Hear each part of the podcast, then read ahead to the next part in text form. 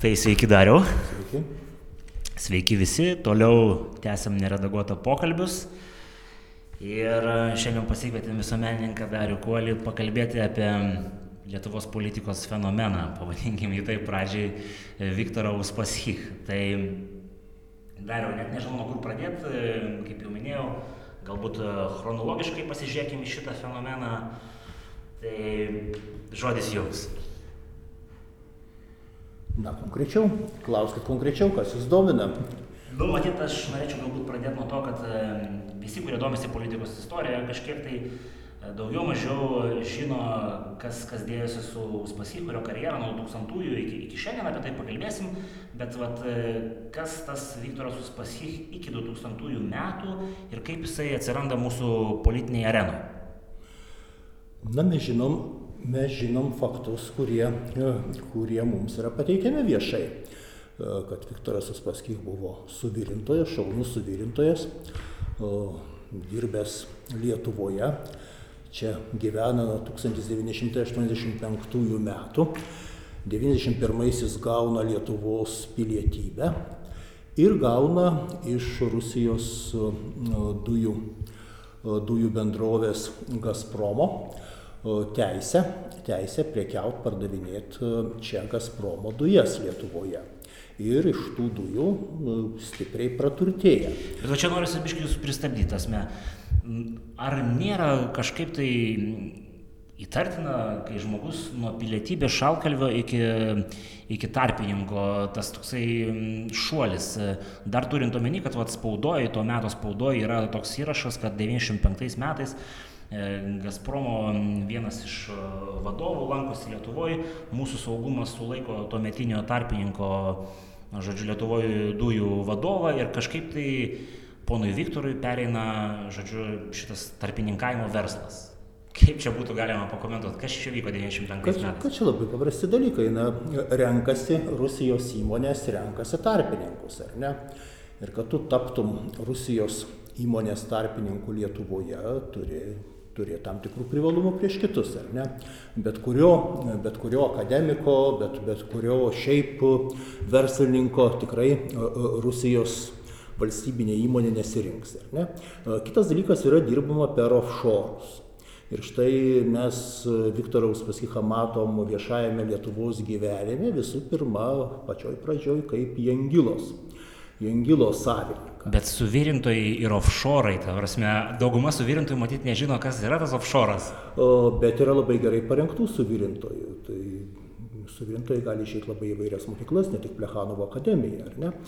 Suvirintojai gali būti įvairiai rengiami. Tai vienas dalykas yra legendos, kur, kurios yra teikiamos visuomenė ir tose legendose yra įdomių, įdomių, įdomių duomenų. Bet žiūrėkim dabar į tikrovę, ar ne? Yra Jangilos byla, offshore'inė įmonė, offshore'uose dirbanti įmonė, kuri nuslepia nuo Lietuvos milžiniškas sumas mokesčių. Ne, tuo metu o, areštuojamos Jangilo sąskaitos 270 milijonų litų. 270 milijonų litų areštuoja, tas sąskaitas areštuoja Kauno apskrities mokesčių inspekcija. Kuo tai baigėsi? Principinga mokesčių inspektorė dinksta iš viso iš Lietuvos valstybės gyvenimo. Viktoras Uspaskichas žengia į Seimą 2000 metais su naujaja sąjunga, jai nepriklausydamas, bet atsistoja greta buvusio Lietuvos Respublikos pirmojo Lietuvos Respublikos prokuroro, greta jo, ar ne, ir ateina į Seimą, visos bylos nutraukiamos, pinigai, sąskaitos atšaldamos, pinigai toliau cirkuliuoja, ar ne. Tai yra milžiniški pinigai, didžiuliai pinigai. Tokiais pinigais gali korumpuoti Lietuvos valstybę gana stipriai. Ir man atrodo, kad tai jau vyko. Tai jau vyko tuomet. Tausme, jo, visi šitie faktai yra, yra spaudoje, tasme, ir, ir jūsų minimos pajamos, kurios buvo nuslėptos, ir, ir, ir neregistravimai mokesčių, PVM ir, ir kitų. Vėlgi, bet, kaip sakiau, kol kas dar mistika, kaip tai nutinka, ką ten reikia baigti šaltkalviui ar kas jį ten turi specialiai paruošti.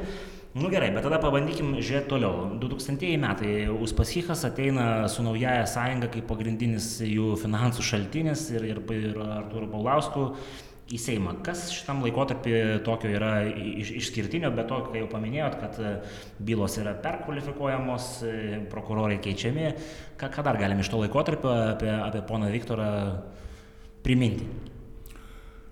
Ponas Viktoras tampa tokiu geidžiamu personažu, geidžiamu žurnalistų, radijų, televizijų.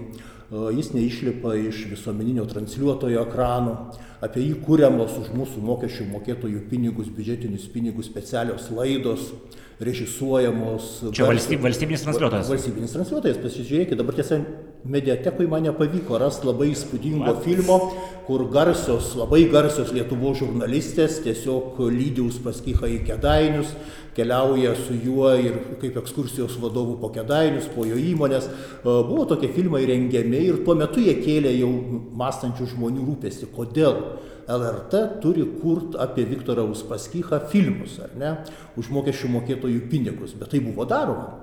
Tai buvo daroma ir garsios žurnalistės tai darė, jauni, jauni virukai režisavo ir taip toliau, tie filmai buvo. Kitas dalykas, pasižiūrėkim dar, Viktoras Uspaskichas įeina į Lietuvos visuomenės gyvenimą per humoro laidas, per, per kitus dalykus. Net per laidas, kuri dabar yra dar mediatekoje, LRT mediatekoje gali mokytojai pasiimti ir ugdyti patriotizmą, remdamiesi Vytauto Uspaskicho e, sukurtų įvaizdžių šaunaus Lietuvos kareivio. Jis ten įvykdo įvairius pratimus karinius e, ir šliaužia ir kitus dalykus daro ir kaip kareivis gauna krašto apsaugos ministerijos, ten yra apdovanojimai ir visa kita. Tas filmukas dabar patriotinis filmukas su pagrindiniu šauniu kareivėliu Viktoru e, yra rodomas, yra rodomas LRT mediatekoje. Tai vad supraskim, kad ta visa propaganda Viktoro kaip nuoširdaus, atviro, gero savo žmogaus, ji 2000 metais sustiprėja. Sustiprėja, nes matom, personažą, dviračio žinių personažą, jau veikiantį ir Seime, atsiranda sinergijos, štai tas žmogus gyvas vaikštinėja vaikštinėja tarp didžiausių politikų ir visa kita kalbasi su premjerais ir, ir, ir, taip toliau. Ir šitas žmogus įgyja daug, daug tokios sinergijos, daug sinergijos. Jam viešųjų ryšių, viešųjų ryšių prasme iš tikrųjų kuriamas, kuriamas labai patrauklaus savo artimo žmogaus įvaizdis visuomenėj toks kuriamas žmogaus kuris pats susikūrė milijonų milijonus šimtus milijonų ir gali padėt išmokyt tai daryt kiekvieną lietuvį ar ne?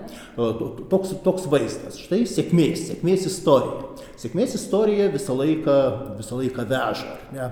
Sėkmingo žmogaus. Ir šitam sumautam krašte galima tapt milijonierium.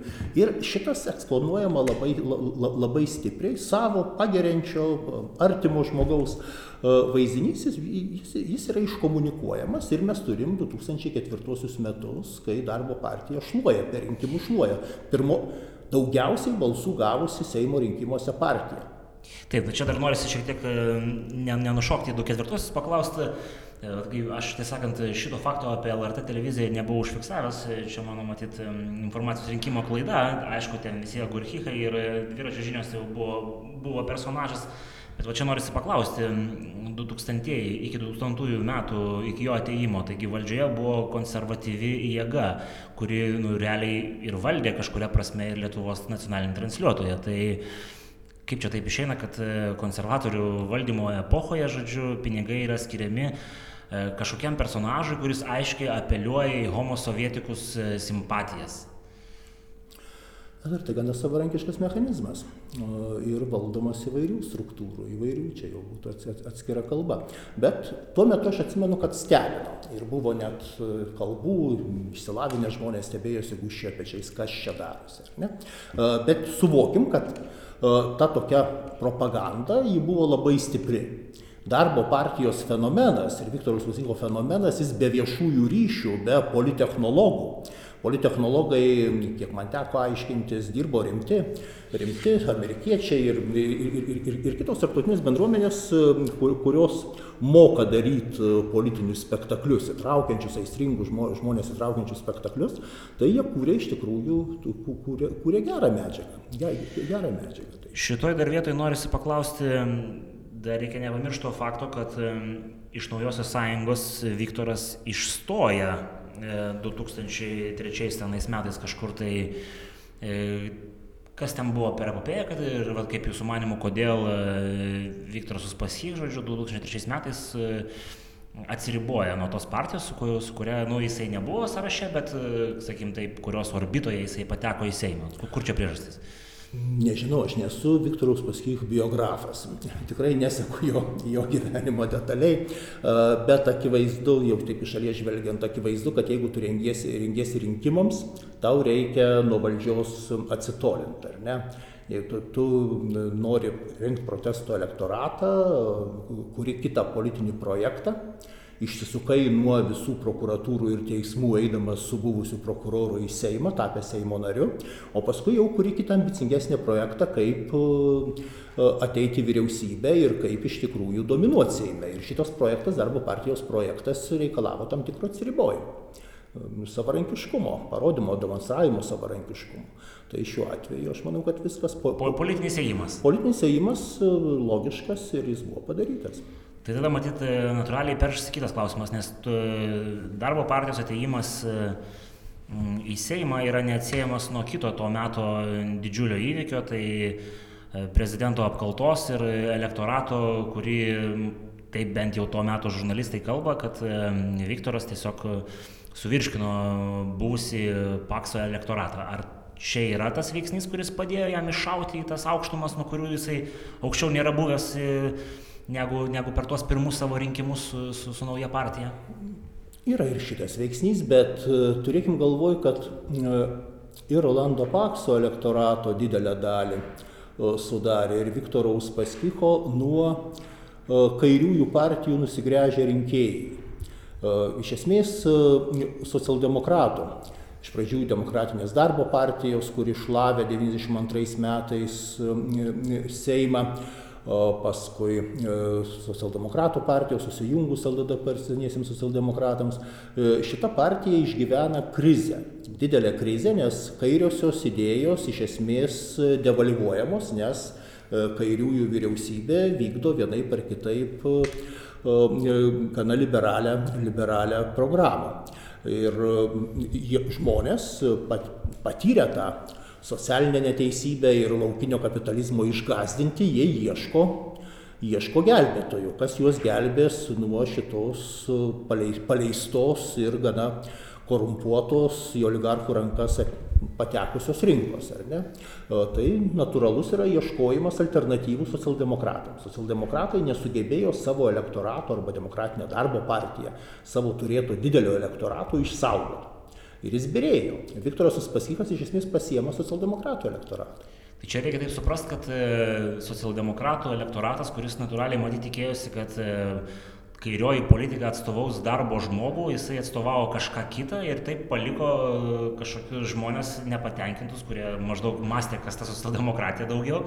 Ir, ir, ir Viktoras su to naujų projektų sugebėjo tai nugvelbti. Taip, mano, mano interpretacija būtų tokia, bet man atrodo, kad ir dalis politologų su su tuo sutinka. Nes iš tikrųjų socialdemokratai, na, atėję, atėję su prezidentu Algirdu Brazausku ir jų vyriausybės iš esmės vykdė, vykdė net libertarę. Libertarę politiką, jau ne tik liberalę, ar ne, pri, privatizavimo vis, visos istorijos, visi EBSV koncernai, luokės ir visos kitos grupuotės, kur, kurios iš esmės ėmė Lietuvos turtą ėmė Lietuvos turtą. Tam, pir, tam, tam pirmam dešimtmetį, matyti, visi ėmė Lietuvos turtą, o, čia kažkuria prasme galima. Na taip, bet, bet tų taisyklių, sąžiningų žaidimo taisyklių ir socialinės politikos tikrai nebuvo, socialiai jautros politikos nebuvo, kurią aš turėjau žadėti. Kairios, kairiosios partijos, ar ne, žmonių lūkesčiai buvo nuvilti, tai čia natūralu, kad buvo ieškoma į ką atsigręžti. Ne, ir Viktoras Uspaskichas Čia tiko, čia tiko jisai manipuliavo, manipuliavo visuomenės nuomonėm ir, ir laimėjo, laimėjo, dar, laimėjo. Dar vienas dalykas, kurį norėjau paklausti, prie praeito laikotarpio, bet prabėgo pro akis. Naujoji politika buvo tas apie 2000-osius dalykas, kuris buvo stumiamas į, į, viešą erdvę ir pagrindinis to stumėjas buvo Valdas Adamkus. Tai ar, ar galima kažkaip sakyti, kad kažkuria prasme netgi ir garbus prezidentas prisidėjo prie, prie Viktoro ateimo į, į, į Seimą, nes nu, suprantam, kad naujoji politika tai buvo dalis Paulauskas, o už Paulausko buvo Uspaskych. Ne, ne. E, naujosios politikos fenomeną reikėtų aptarinėti aptarinėti turbūt e, plačiau, jis sudėtingesnis yra. Tuo metu politikus ir dešinė ir kairė buvo ištikusi inercija, stiliaus inercija, čia turbūt ar e, bus Aleksandro Štromo žodžiai, kad politikai tiesiog nebeturėjo naujų idėjų. Ir nusivylimas politiniam partijom tada buvo milžiniškas, nusivylimas Seimu visuomenės. E, ir tada dirbau prezidento valdo Damkaus komandai Ir apie naujumą mes kalbėjom. Mes kalbėjom ir ta naujosios politikos idėja, naujos politikos idėja buvo iškelta jo metiniam pranešime. Metiniam pranešime, kad Lietuvai iš tikrųjų reikia atnaujinti savo politiką, kad atgautų mūsų pagrindinės valstybės institucijos parlamentą žmonių pasitikėjimą. Reikia politikos atviresnės, nebe kabinetinės, reikia dialogo su visuomenė. Ten buvo išdėstyti principai. Kaip jums dabar važiuojant iš retrospektyvos atrodo tie asmenys, Vytenis Paulauskas, Paksas ir Zuokas, kurie buvo pagrindiniai spinduliai naujosios politikos? Ne, na, na, naujoji politika buvo siūloma labai plačiai, iš tikrųjų plačiai. Mes dar tikėjomės, kad gal Tėvinė sąjunga, konservatoriai sakys, kad pritarė prezidento idėjai. Iš tikrųjų tai buvo. Bet išėjo Romualdas Ozovas, tuomet centro partijos pirmininkas ir sakė, mes remiam šitą prezidento idėją, iš tikrųjų reikia politiką atnaujinti. Ir centro partija stojo iš tikrųjų į na, tokio centro pozicijas.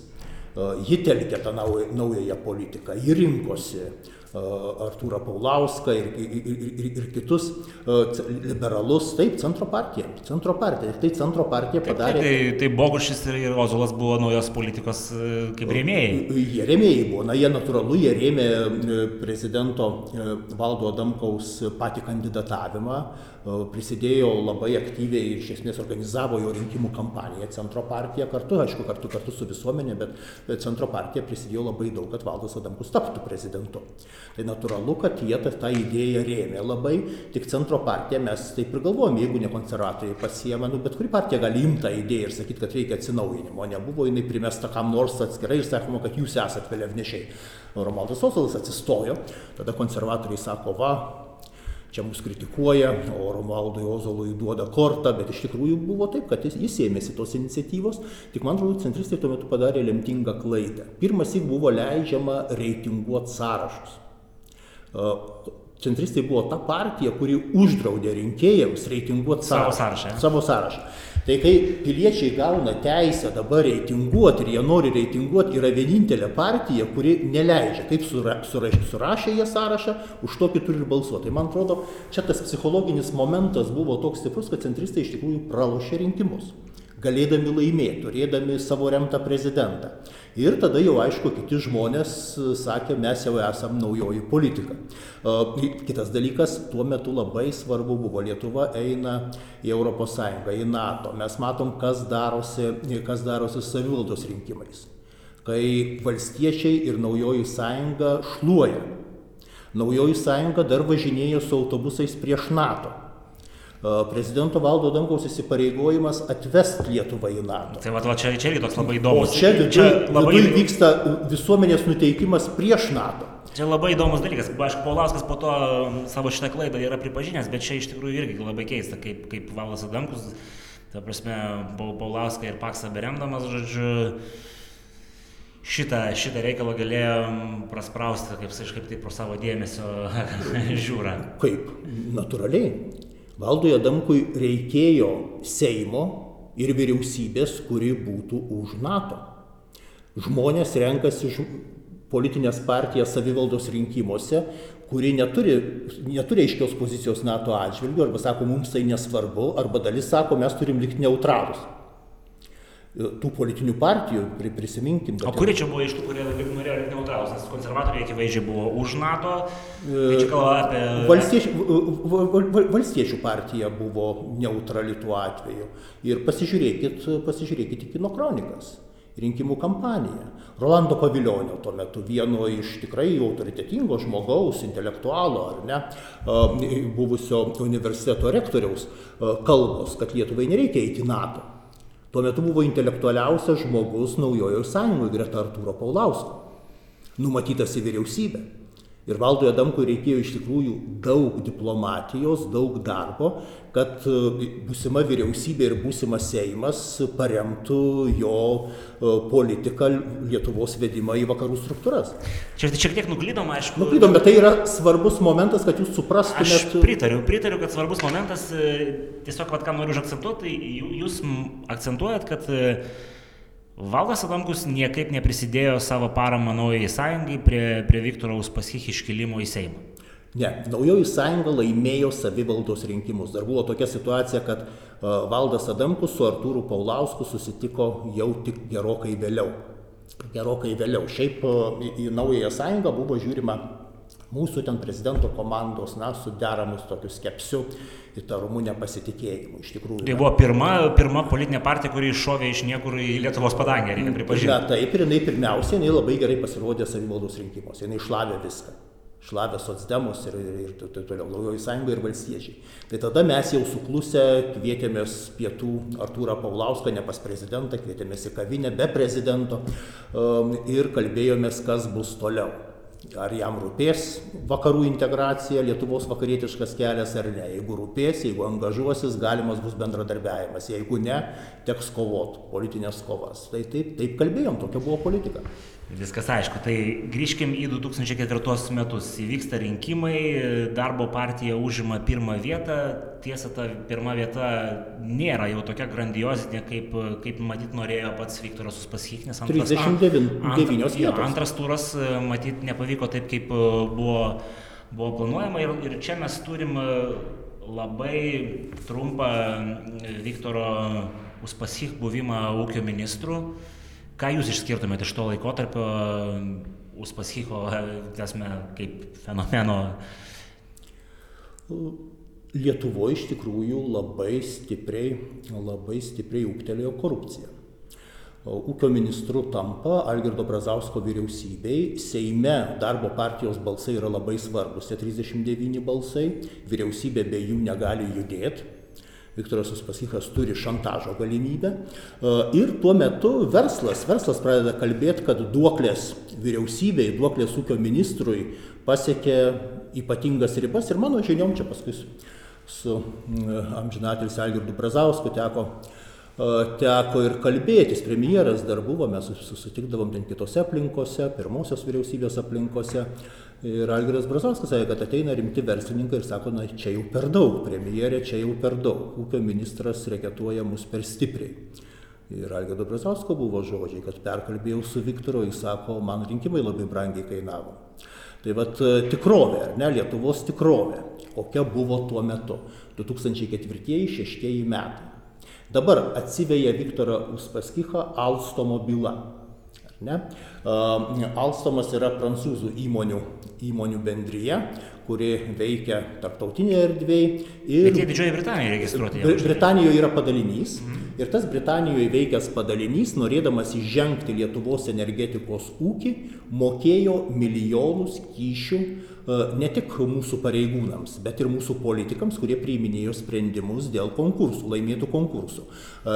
Elektrienų E, elektrinės renovavimo ir, ir stiprinimo, e, Kauno hidroelektrinės renovavimo, visi šitie projektai, jie buvo dideli, per 200 milijonų eurų, o duoklė buvo numatyta 15, paskui tarėmės dėl mažesnių sumų, dabar Britų, Britų teisės sauga ir teisėtvarka yra konstatavusi, kad 5 milijonai eurų ėjo Lietuvos pareigūnams, aukštiems pareigūnams ir tarptų pareigūnų ūkio ministras yra įvardintas.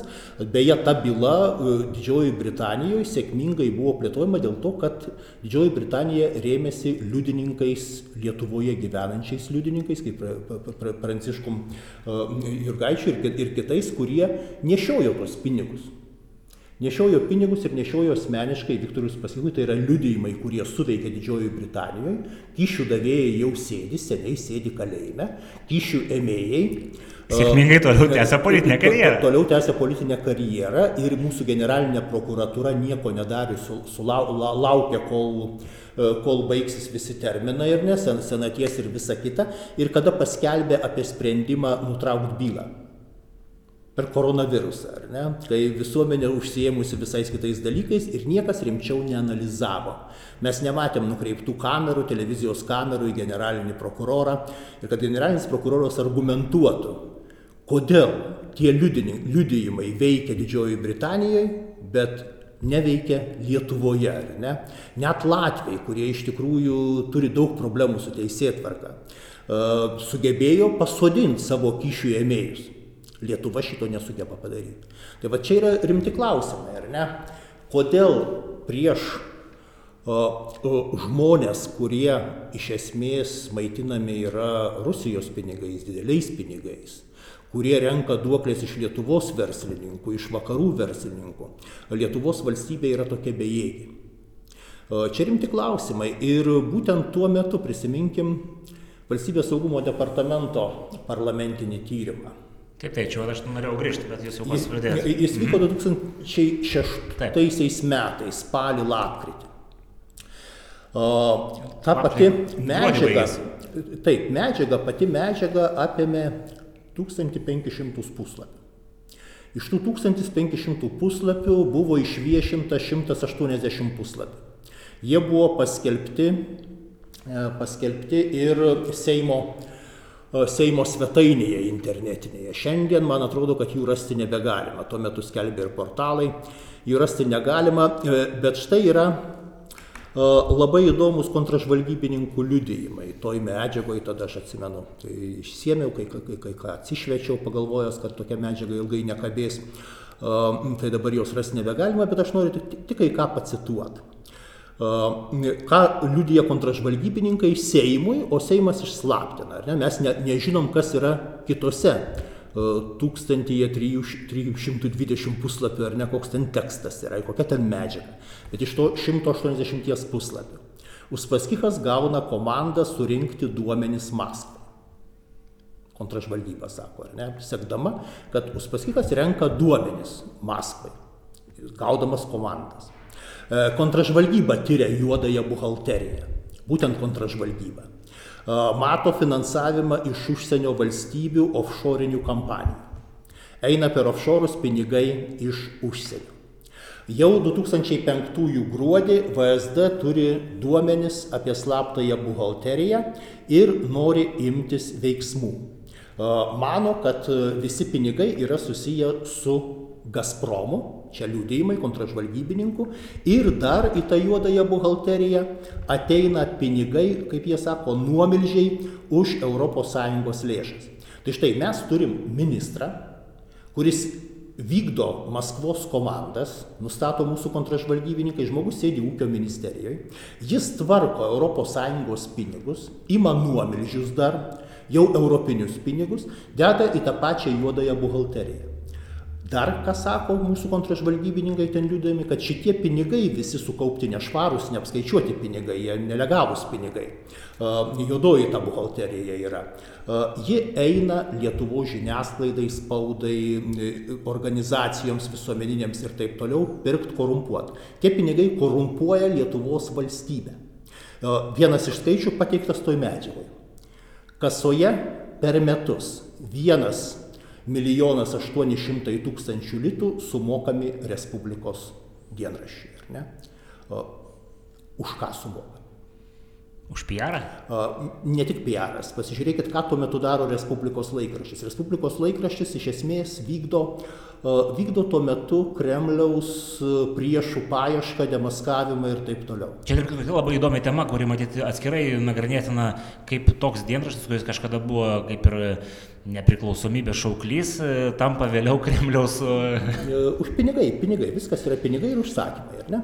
Pinigai ir užsakymai. Tai va šitą momentą nieks iš tikrųjų nedrįso rimčiau aptarinėti, vertinti ir taip toliau. Bet čia netgi ne tik tai, esmė, kaip iš tų svarios medžiagos jūsų minėtos, yra aišku, kad jau 2004 metais, 2004 metais jau yra žinoma apie tą buhalteriją, yra surinkta medžiaga, bet jinai išeina į viešumą tik tai po to, kai Uspaskichas Seime sukelia maištą, yra e, interpeliacija Paulauskui, jisai netenka posto, ten yra pasikesinimas, sakykime taip, į Brazausko valdžią ir tada Anus Paschicho yra išmetama juodoji buhalterija. Iki tol jis tiko. Taip.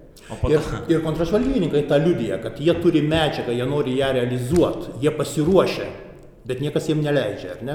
E, yra kompromatas, kur galvojama, kad, na, gal kaip nors tarsime, susitarsim, panaudosim e, štai tą kompromatą, Uspaskicho pozicijai formuoti ir visą kitą. Kai jis peržengia ribas prieš jį metam, ar ne, tada ieškoma Plechanovo akademijoje diplomo ir taip toliau. Bet e, štai kas čia yra labai svarbu. Visa šita juodosios buhalterijos byla, ar ne? Nustatyta, kad 25 milijonai litų patekę yra į tą buhalteriją iš juodųjų, juodųjų šaltinių ir be jokios apskaitos 23 3 milijonus išleido. Ne? Dabar šaltinių niekas netiria. Ta byla prokuratūros kvalifikuojama kaip ne, at, atmestinas neatsakingas buhalterijos tvarkymas, ar ne, klaidos buhalterijai, buhalterė kalta. Bet niekas netiria kontražvalgybos rinktų duomenų, kad visi tie pinigai eina iš svetimos valstybės per offshore. Kad tie pinigai yra išreketuoti iš e, mūsų verslo, kurie gauna čia, Europos Sąjungos galimai, paramą. galimai. Nes... Na, bet aš nu, imu tą medžiagą, imu tą medžiagą, kuri kabėjo mūsų parlamento puslapyje. Taip, taip. Ji nebuvo užginčyta teismuose. Viktoras Uspaskikas nesikreipė į teismus, kad šita medžiaga išviešinta. Viktoras Uspaskikas ne, ne, nesikreipė, bet ir kitko įdomus faktas. E, pats parlamentas e, norėjo kaip galima greičiau sukišti tą medžiagą išviešintą atgal į, į slaptumą, nes e, buvo tokios kalbos, kad čia nelegaliai išviešinta yra nacionalinio ir gynybos saugumo ir gynybos komiteto, žodžiu, pastangomis. Valstybės saugumo departamentas, kiek aš žinau, taip. Taip, valstybės saugumo departamentas e, kėlė tuos klausimus, kad neteisėtai, bet kas yra aukščiau. Čia ar parlamentas laisvoje respublikoje, ar valstybės saugumo departamentas. Ir mes žinom, kad tada konstitucinis teismas stojo prieš parlamentą. Tai, tai buvo. Tai to, to meto politiniai kovoj dalyvavo visi.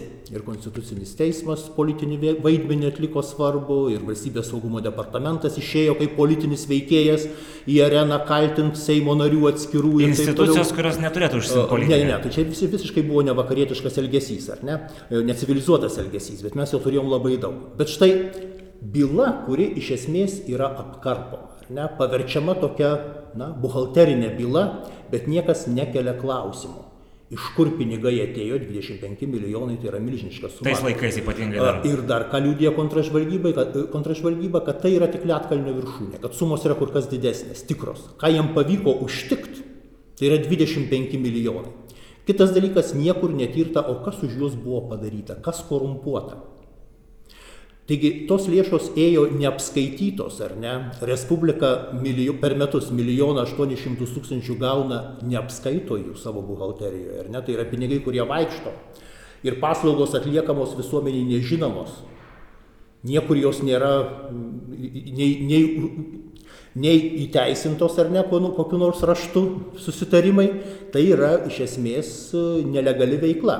Bet nelegali veikla, kuri persmelkia visą politiką, visą valstybę yra klasikinis valstybės korumpavimas. O mes kalbam apie aplaidų buhalterijos tvarkymą.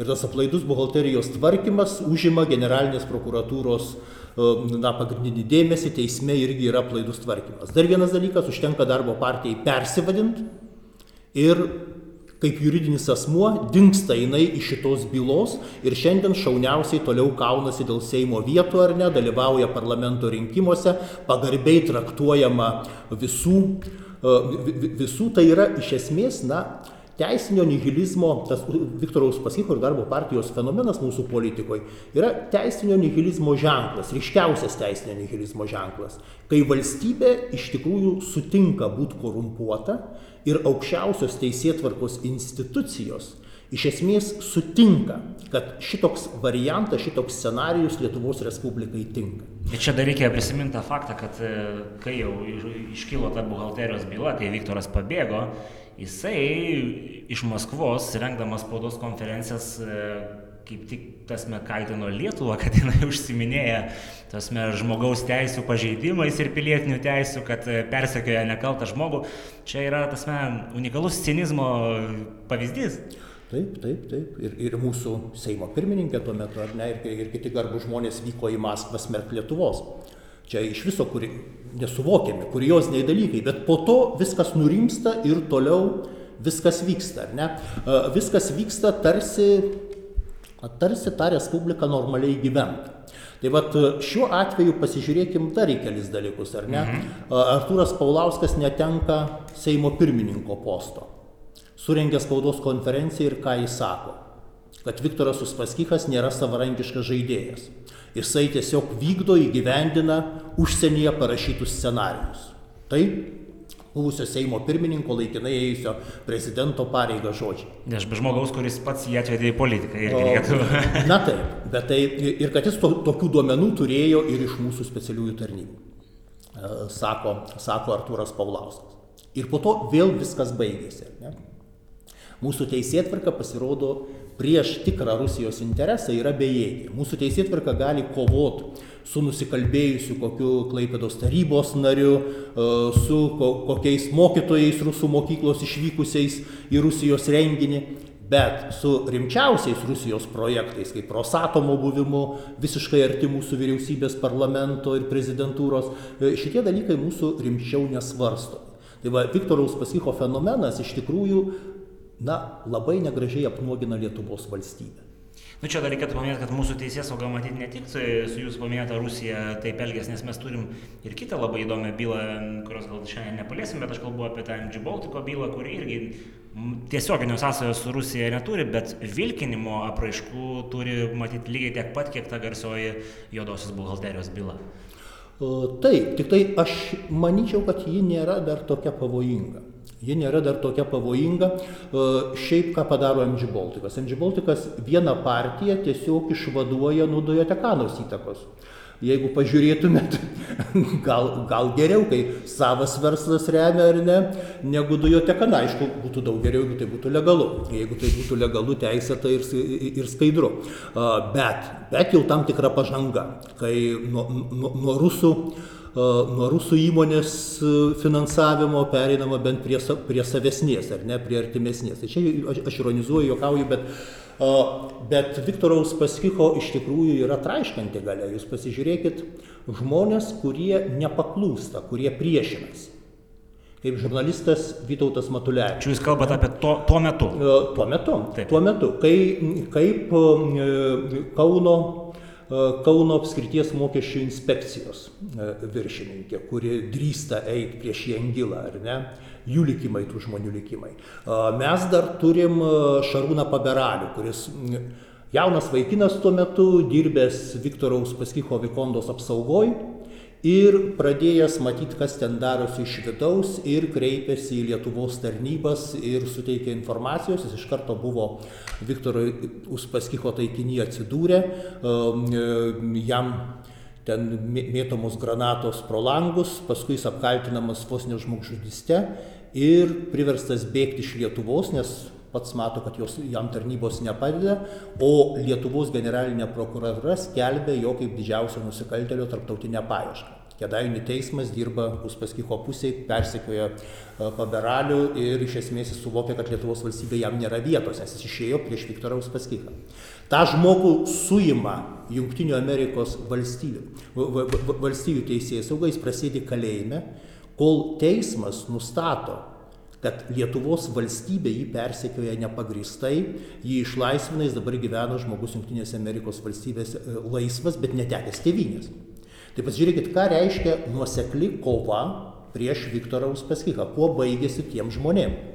Čia yra dar irgi paradoksas, kad Viktoro Uspaskicho pusė stoja mūsų generalinė prokuratūra, Lietuvos teismai ir tave persekioja net Junktinėse Amerikos valstijose, sugeba tave įkišti kalėjimą. Tai vad čia yra gale. Jo, tai tikrai tuo metu tą Viktoros Paschich epochą būtų galima pavadinti, bet matytinai ir baigėsi ties 2006, kaip tokia jau stiprios galios, nes po to yra buhalterijos byla, kuri tuo metu jam labai skaudžiai, ta prasme, visgi gadina reputaciją ir grėsia kalėjimu ir jis yra priverstas laviruoti E, tarp visokių Seimo nario, Europos parlamento ir kitų neliečiamybių statuso. Ir e, vat, kitas etapas, e, galbūt, kuris irgi yra įdomus ir kurį norėsiu aptarti, kad 2008 metais, žodžiu, jisai visgi yra opo, opozicinė partija, darbo partija. Bet vėlgi, žiūrint to meto spaudą, radau tokį įdomų, įdomų žodžiu, įvykį, kad Kubiliaus vyriausybė dviem lemiamais momentais, kai skilo, žodžiu, tautos prisikėlimo, ar kaip ten vadinasi, Valinsko partija ir vėliau buvo liberalų centristų maištas prie, prieš Kubilių dėl snoro tenais atvejo. E, abiejais tais atvejais Kubiliaus vyriausybė savo reputaciją ir, ir vietas išsaugojo darbo partijos balsais. Tai vadinasi, Viktoras Uspaskich kažkaip tai jau yra inkorporuotas į mūsų politinę sistemą ir jisai sąveikauja ne tik tai vat, su būtent tais kairiaisiais nomenklatūros veikėjais, kurie buvo Algirdo Brazausko aplinka, valstybininkai ir panašiai, bet jisai sąveikauja ir su deš, dešiniuoju bloku. Taip, taip. Ir pasi, pasižiūrėkit, vien tai sugražinimas dabar Viktoraus Pasicho partijai milijono aštuonių šimtų tūkstančių eurų, ar ne, iš valstybės biudžeto. Bet va čia klausimas. Mesgi visą tą spektaklį finansuojam biudžeto lėšomis. Ar Bet ar čia nėra juridinis kazas, prieš kurį dabartinis Seimas neturėjo galios ir tiesiog e, privalėjo tai padaryti?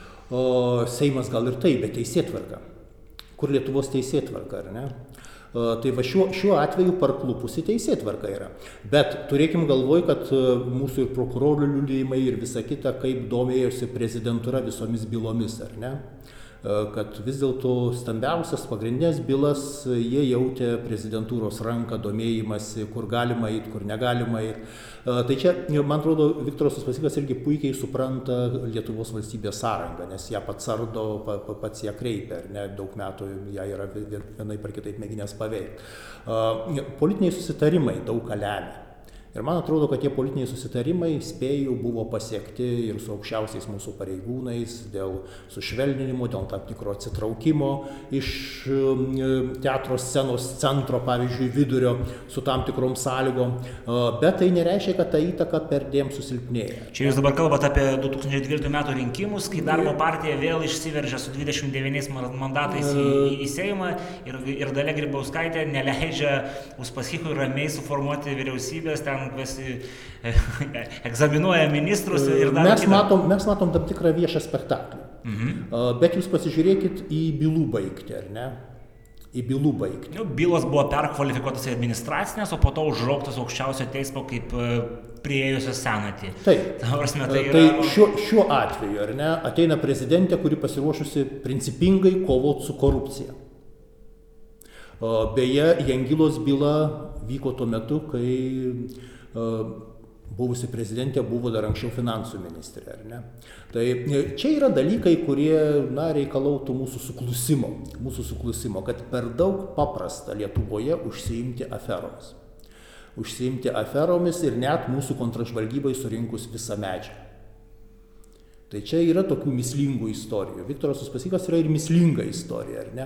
Kontražvalgyba fiksuoja, kad renkama medžiaga pagal Maskvos užsakymus Kontražvalgyba fiksuoja, kad yra reketuojamas Lietuvos verslas, kad pinigai ateina iš užsienio ir tie pinigai leidžiami papirkinėjant, korumpuojant Lietuvos valstybę, žiniasklaidą, visuomenę ir taip toliau. Ir po to mes patapšnuojam per petį ir sakom, Viktorai, Viktorai varyk toliau, ar ne? Duok savo žmonių į Seimą, mums reikės sudaryti koaliciją. Ar dešinę, ar kairę, netaip svarbu, bet reikės ir vieniem, ir kitiem. Jo, tai va čia šitoje vietoje labai palėtėte įdomų momentą. Aš vat, e, tik tai prieš porą dienų, vartydamas to meto spaudą, radau vieną straipsnį, kuris vat, galimai atsako į šitą klausimą, kodėl, e, kodėl Viktoras Uspasyk vis dar išsilaiko.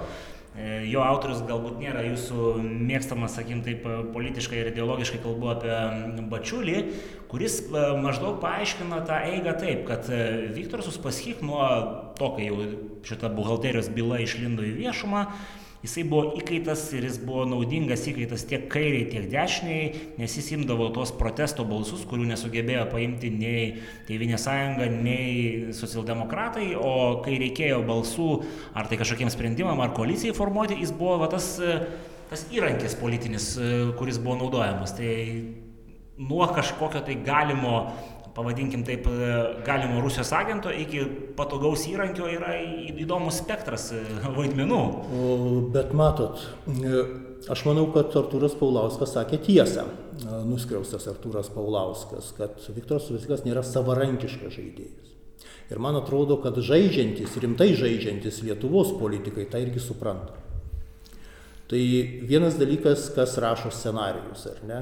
Bet čia kurie tie mūsų politikai supranta, jeigu visi su juo sugebėjo vienu ar kitu metu e, panaudoti jo politinius balsus, tai kalbu ir socialdemokratai naudojo jo politinius balsus, ir tie minėti konservatoriai, žodžiu, savo vyriausybėje 8-12 metų naudojo jo balsus, tai kurie tie politikai, kurie supranta, kad Viktoras Uspaskich yra, žodžiu, ne mūsų valstybės e, projektas. Jie, jie supranta, jie supranta, bet jie galvoja, kad, na, eit toboliaut tam tikrom etape gal ir galima, ar ne, kai reikia dėl bendrų interesų, kaip ir Rolandas Paksas galvojo, ar ne, kad būsiu Vytautų didžiuoju, susimesiu su Rusija, bet paskui vykdysiu savo politiką, tokia kaip žemaitis, ar ne, bet nėra taip paprasta, nėra taip paprasta.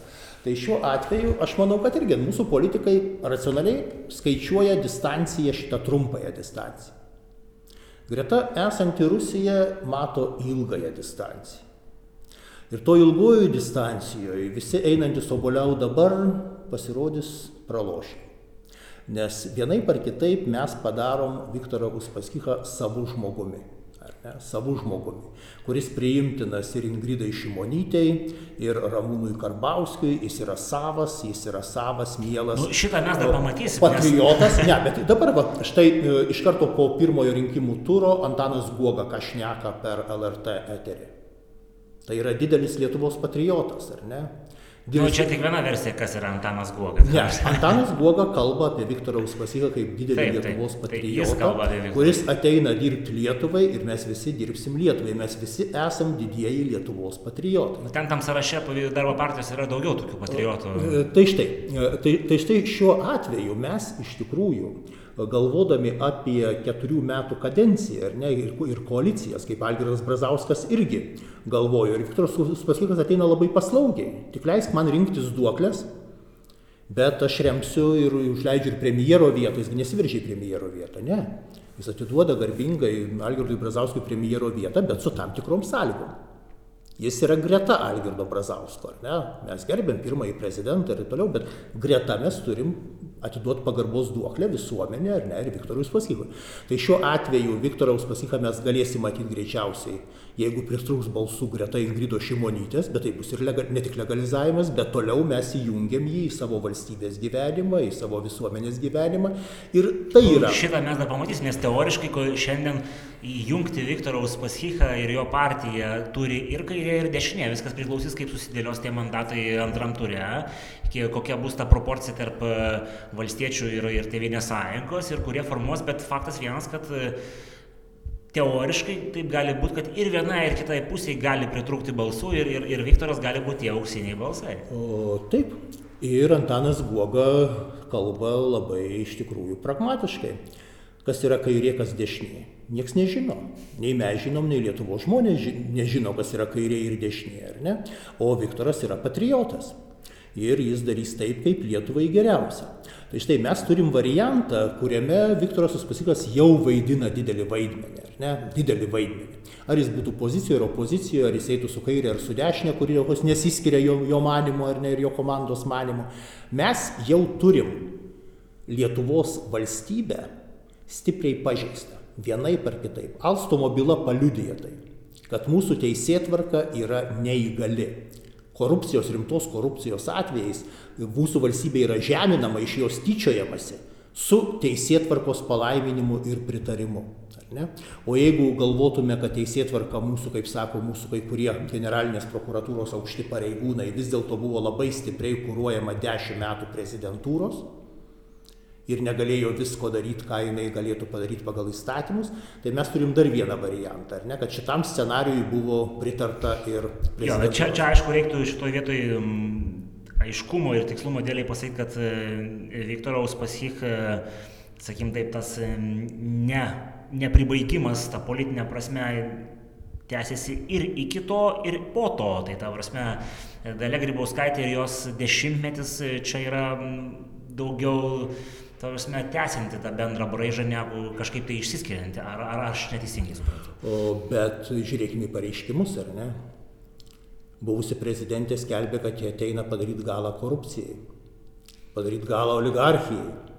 Tai jeigu mes pripažįstam, kad buvo tęsiama tai, kas, kas vyko ar ne, kas vyko tais korupcijos siautėjimo laikais, tai nieko didelių laimėjimų nepasiekėm, ar ne? Po garsaus repsėjimo koja vis dėlto praktika yra kita. Tai bet tą aš ir noriu pasakyti, kad mes iš esmės Viktorą Uspaskichą su visom bylom, su juodosios buhalterijos, ją nu, apkarpydami tą bylą ir ne, neiškeldami jos iš esmės, ar ne, taip pat su Alstomo byla. Mes įteisinam, iš esmės įteisinam žmogų, kuris mūsų valstybę griovė, ją korumpavo. Nu, dabar pabandykim kažkaip pozityviai pasižiūrėti šitą visą reikalą.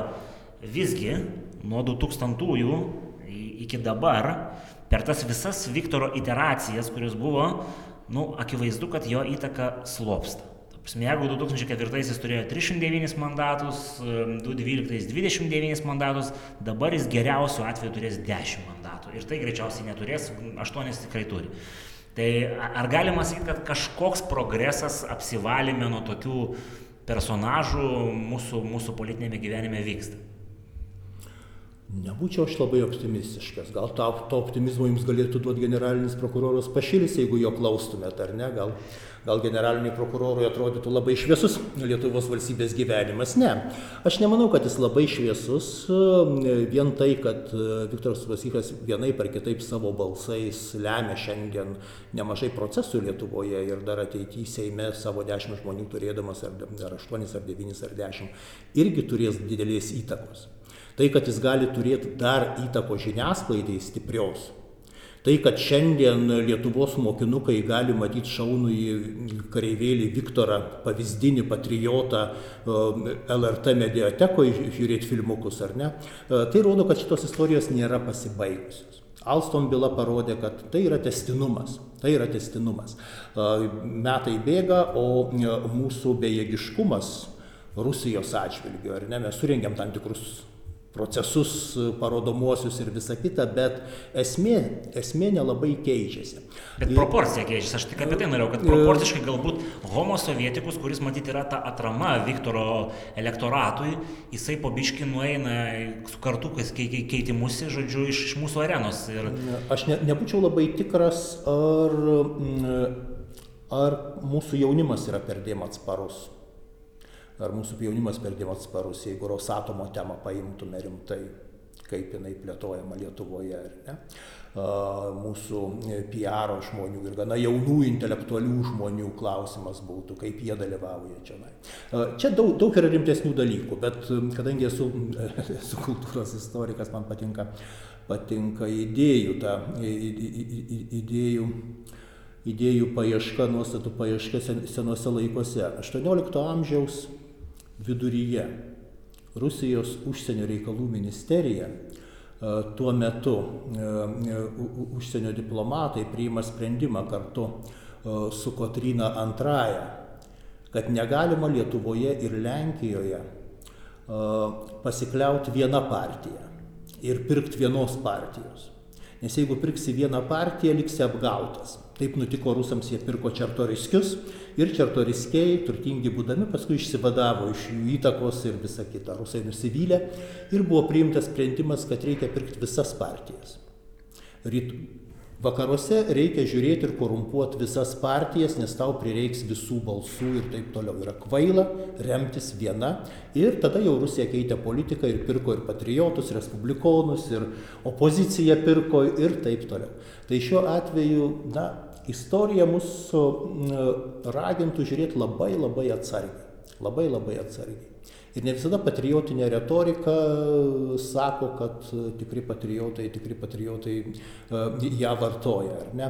Tai vat, tas toks atsargesnis žiūrėjimas į mums konstruojamą politinį spektaklį būtų labai reikalingas. Ir ypač jauniems žmonėms, kurie jau tų patirčių nebeturi, kurie patirčių nebeturi, kurie labai nori pasikliauti savo valstybę ir taip toliau, suprantamas noras, bet tam tikro atsargumo reikėtų.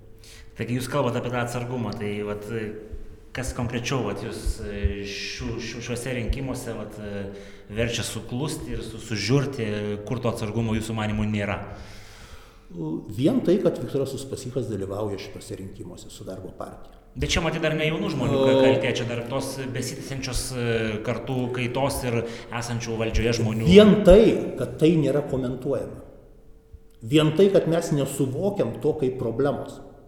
Kad Viktoras Uspaskikas išeidamas iš Alstom bylos, iš juodosios buhalterijos bylos ir toliau dalyvaudamas kaip stipriausias, vienas iš penkių stipriausių kandidatų su savo partija, stovėdamas greta kai jam ditirambai sakomi iš LRT tribūnos, ar ne? Nu, ditirambų gal ten nebuvo, pataisykit mane, kur, kur, ten, kur ten buvo tie ditirambai? Ditirambai LRT laidas įsijungęs, matysit, Antano Guogo sakoma, kad tai išmintingiausias nu, taip, žmogus. Čia ne LRT sako, čia Antanas Guogas sako. Antanas Guoga, bet sako iš LRT tribūnos. Taip, taip. Ne? Iš LRT tribūnos sako, Antanas Guogas simpatiškas žmogus, tikrai puikus žmogus, jis daug... Simpatiškas, puikus, jis turi daugiau epitetų matyti. Ne, ne, bet jis daug pasiekęs yra ir visa kita, kažkada jis sakęs, kad darbo partijos, jo tikslas tikslas yra, kad tokių darbo partijų nebūtų 2014 metais sako, dabar sako, kad tai buvo tik politinis žaidimas, o iš tikrųjų dabar yra tai didžiausių patriotų partija ir tik Viktoro išmintis atgaivino šitą partiją, ją apginklavo ir leido pasiekti pergalės. Nu, bet, bet, bet, bet, bet pripažink, kad ne, ne patriotai matytas pagrindinis darbo partijos žodis yra. Jie tas mes save pozicionuoja kaip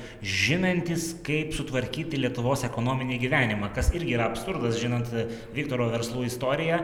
Ir ta prasme, kad, nu, ne iš plino lauko tie verslai išsivystė, bet jis žino, kaip pakeisti Lietuvoje esmė situacija ekonominė. Taip, bendrai geroviai. Ne, neužmirškit, kad yra bendros gerovės klausimas. Tai čia labiau toks socialdemokratinis postulatas negu patriotinis. Bet Viktoras savo taip, o Antanas Guogas stovi šalia ir sako, aš grįžau į Lietuvą tam, kad jai tarnaučiau kartu su Viktoru Svasilu. Mes matykim kontekstus, ar ne? Kontekstai čia. Viktoro užsivilkimas, Viktoro Uspaskicho krašto apsaugos kario kariuomenė uniformos, ar ne, ir rodimas jo visuomeniai kaip savo kareivio, šaunaus lietuvių kareivio, tai yra ta pati piarinė akcija, ar ne, kur, kur, kuria yra tyčiojamas iš Lietuvos valstybės. Bet mes tai toleruojame, mes nemat, nebematom problemos, mes juos nereflektuojame mūsų žurnalistai, kurie aptarinėja, politologai, kurie aptarinėja politinį spektaklį, rinkiminį politinį spektaklį, į tai jau nebekreipia dėmesio. Tai jau tapo kasdienybė Lietuvos, ar ne? Aš manau, kad susitaikymas su tokiais dalykais kaip su kasdienybė Yra problema. Yra problema. Ir tai, kad mes šiandien visiškai kaip natūralų dalyką priimtume Viktoro Uspaskicho žmonės Ingrido Šimonytės vyriausybėje, arba... Čia dar didelis klausimas, ar tai priims... Arba Skvernelio vyriausybėje, bet, bet tam yra visuomenė paruošta.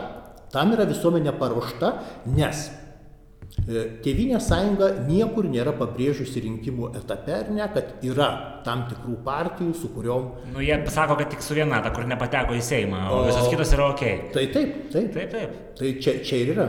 Čia ir yra, kad mes visą laiką turim, uh, turim galimybių neiškrypti iš mums iš šalies uždo, užduodamo kelio. Ar ne? kad scenarijų rašytojai jie turi daugybę galimybių tą scenarijų pakreipti ir taip, ir taip, nes tų personažų vaidinančių tą scenarijų gyvenančių yra, yra ne vienas, ne kitas, o daugiau šiek tiek. Tai vat, čia yra realybė, yra realybė ir Lietuvos visuomenė na, turėtų tam tikrus saugiklius turėti, tam tikrus saugiklius jaust. Ir psichologiniai saugikliai yra irgi labai svarbus. O mes tuos psichologinius saugiklius prarandam, jie ištrinami. Tai vad ką jūs pasiūlytumėt, tai va tai vat, šių dienų kartai ir, sakykime taip, nu, jaunai politikų kartai, vat, ką, ką daryti tasme, kad mes visgi kažkaip tai nu, ateitume į tą suvokimo kelią, kas yra kas? O pirmiausiai klaust, nuosekliai klaust. Užduot klausimus tikrovėje, ar ne? Ir nebijot atsakymų nebijot atsakymų, sąžiningų atsakymų, iki galo atsakymų. Na pavyzdžiui, Dabar, jeigu jaunieji politikai susirinkę į Seimą, ar ne, tos jaunosios jėgos ateinančios, jos norėtų daugiau švaros valstybėje, jos labai rimtai paklaustų generalinės prokuratūros dėl visų šitų bylų. Ar ne, kodėl jos taip, taip keistai baigėsi, nutraukiamos taip keistai, ar ne? Tai būtų apie ką paklausti. Kodėl mes iš biudžeto turėjom mokėti darbo partijai tokias sumas paskutinėme etape? Ne?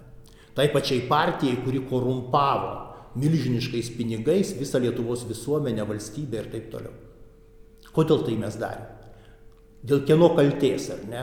Kodėl tai buvo jau nebeišvengiama? Kaip prie to buvo prieita?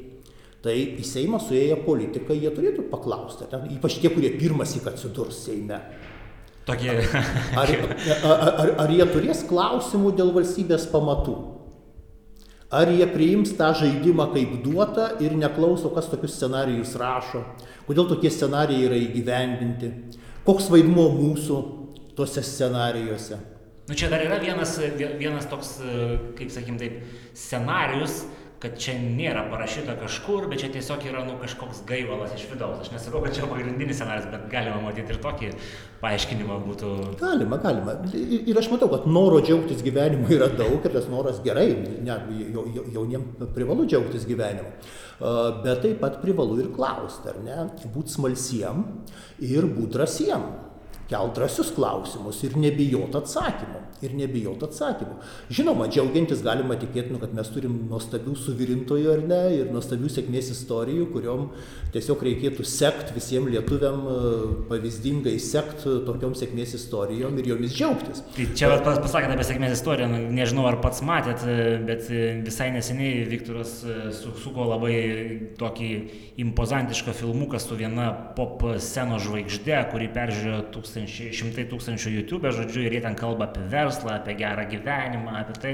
Ir tai labai skaniai buvo valgoma YouTube kan kanale, žodžiu, platformoje. Ir, ir, ir, ir sakoma, kad va, du vyrai sutiko vienas kitą, kurie supranta, kas yra verslas ir be žodžių, to prasme, jiem yra gera. Tai, to prasme, matyti jaunoji karta kažkuo tai žavisi Viktoru.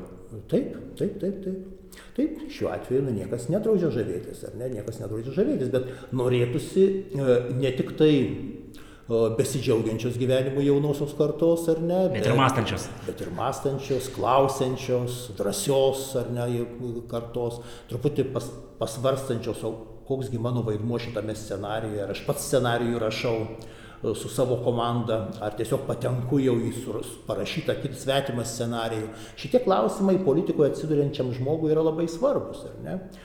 kad nebūtų jo manipuliuojama, kad jis nebūtų žaislas tampamas ar ne už, už siliukų. Tai šiuo, šiuo atveju svarbus klausimai, svarbus klausimai yra ir aš linkėčiau sėkmės, jaunimui sėkmės, bet taip pat ir tos atsakomybės už valstybę. Tai ką, dar noriu Jums padėkoti už skirtą laiką, už pašnekėsi. Manau, kad e, visiems, kurie galbūt taip nuosekliai ne, neprisimena 25 metų įvykių, tai bus kažkiek tai, tu pasme, naujos informacijos. Tai didelis dėkui ir e, tikiuosi rasim ir kitų temų panagrinėti. Ačiū visiems, kurie žiūrit. Ačiū už klausimus, ačiū už klausimus, ačiū už žiūrėjimą. Dėkui, tai dėkui visiems, kurie remet ir iki susimatymo. Iki.